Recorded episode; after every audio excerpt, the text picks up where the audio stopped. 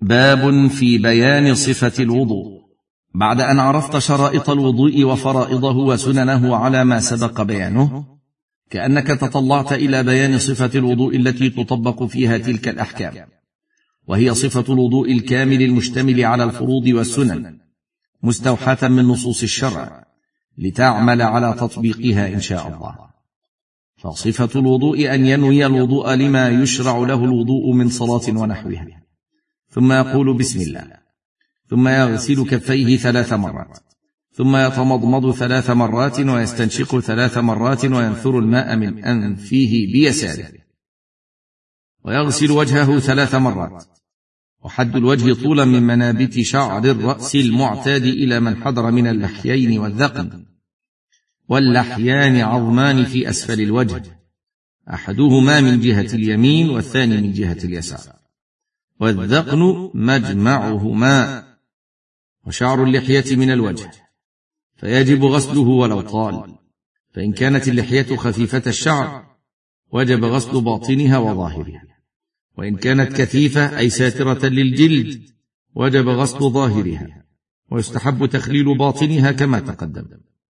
وحد الوجه عرضا من الأذن إلى الأذن والأذنان من الرأس فيمسحان معه كما تقدم.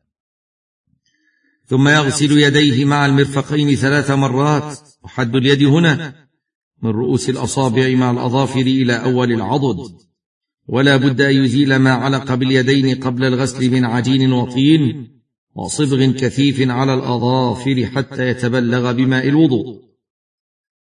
ثم يمسح كل رأسه وأذنيه مرة واحدة بماء جديد غير البلل الباقي من غسل يديه. وصفة مسح الرأس أن يضع يديه مبلولتين بالماء على مقدم رأسه ويمرهما إلى قفاه ثم يردهما إلى الموضع الذي بدأ منه ثم يدخل أصبعيه السبابتين في خرقي أذنيه ويمسح ظاهرهما بابهاميه ثم يغسل رجليه ثلاث مرات مع الكعبين والكعبان هما العظمان الناتئان في أسفل الساق. ومن كان مقطوع اليد أو الرجل فإنه يغسل ما بقي من الذراع أو الرجل. وإن قطع من الكعب غسل طرف الساق لقوله تعالى فاتقوا الله ما استطعتم. وقوله صلى الله عليه وسلم إذا أمرتكم بأمر فأتوا منه ما استطعتم. فإذا غسل بقية المفروض فقد أتى بما استطاع. ثم بعد الفراغ من الوضوء على الصفة التي ذكرنا يرفع بصره إلى السماء ويقول ما ورد عن النبي صلى الله عليه وسلم من الأدعية في هذه الحالة. ومن ذلك أشهد أن لا إله إلا الله وحده لا شريك له وأشهد أن محمدا عبده ورسوله. اللهم اجعلني من التوابين واجعلني من المتطهرين. سبحانك اللهم وبحمدك أشهد أن لا إله إلا أنت أستغفرك وأتوب إليك. والمناسبة في الإتيان بهذا الذكر والدعاء بعد الوضوء أنه لما كان الوضوء طهارة للظاهر ناسب ذكر طهارة الباطن بالتوحيد والتوبة وهما أعظم المطهرات. فإذا اجتمع له الطهوران طهور الظاهر بالوضوء وطهور الباطن بالتوحيد والتوبة صلح للدخول على الله والوقوف بين يديه ومناجاته.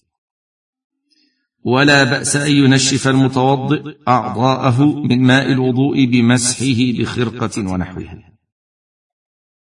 ثم اعلم أيها المسلم أنه يجب إسباغ الوضوء وهو إتمامه باستكمال الأعضاء وتعميم كل عضو بالماء ولا يترك منه شيئا لم يصبه الماء. فقد رأى النبي صلى الله عليه وسلم رجلا ترك موضع ظفر على قدمه فقال له ارجع فأحسن وضوءك وعن بعض أزواج النبي صلى الله عليه وسلم أنه رأى رجلا يصلي وفي بعض قدمه لمعة قدر الدرهم لم يصبها الماء فأمره أن يعيد الوضوء والصلاة. وقال صلى الله عليه وسلم ويل للأعقاب من النار وذلك لأنه قد يحصل التساهل في تعاهدهما فلا يصل إليهما الماء. أو تبقى فيهما بقية لا يعمها الماء فيعذبان بالنار بسبب ذلك. وقال صلى الله عليه وسلم في الحديث الذي رواه أبو داود وغيره إنه لا تتم صلاة أحدكم حتى يسبغ الوضوء كما أمره الله فيغسل وجهه ويديه إلى المرفقين ثم يمسح برأسه ورجليه إلى الكعبين. ثم اعلم أيها المسلم أنه ليس معنى إسباغ الوضوء كثرة صب الماء بل معناه تعميم العضو بجريان الماء عليه كله. وأما كثرة صب الماء فهذا إسراف منهي عنه بل قد يكثر صب الماء ولا يتطهر الطهارة الواجبة. وإذا حصل إسباغ الوضوء مع تقليل الماء فهذا هو المشروع. فقد ثبت في الصحيحين أنه صلى الله عليه وسلم كان يتوضأ بالمد ويغتسل بالصاع إلى خمسة أمداد. ونهى صلى الله عليه وسلم عن الإسراف في الماء. فقد مر صلى الله عليه وسلم بسعد وهو يتوضأ. فقال ما هذا السرف؟ فقال أفي الوضوء إسراف؟ فقال نعم ولو كنت على نهر جار. رواه أحمد وابن ماجه وله شواهد. والسرف ضد القصد. وأخبر صلى الله عليه وسلم أنه يكون في أمته من يتعدى في الطهور. وقال إن للوضوء شيطانا يقال له الولهان. فاتقوا وسواس الماء.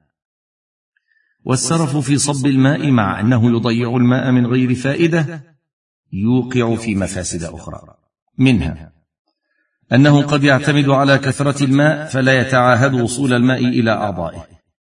فربما تبقى بقية لم يصلها الماء ولا يدري عنها فيبقى وضوءه ناقصا فيصلي بغير طهارة. ومنها الخوف عليه من الغلو في العبادة فإن الوضوء عبادة والعبادة إذا دخلها الغلو فسدت ومنها أنه قد يحدث له الوسواس في الطهارة بسبب الإسراف في صب الماء. والخير كله في الاقتداء بالرسول صلى الله عليه وسلم. وشر الأمور محدثاتها. وفق الله الجميع لما يحبه ويرضى. فعليك أيها المسلم بالحرص على أن يكون وضوءك وجميع عباداتك على الوجه المشروع من غير إفراط ولا تفريط. فكلا طرفي الأمور ذميم وخير الأمور أوسطها والمتساهل في العبادة ينتقصها والغالي فيها يزيد عليها ما ليس منها والمستن فيها بسنة الرسول صلى الله عليه وسلم هو الذي يوفيها حقها.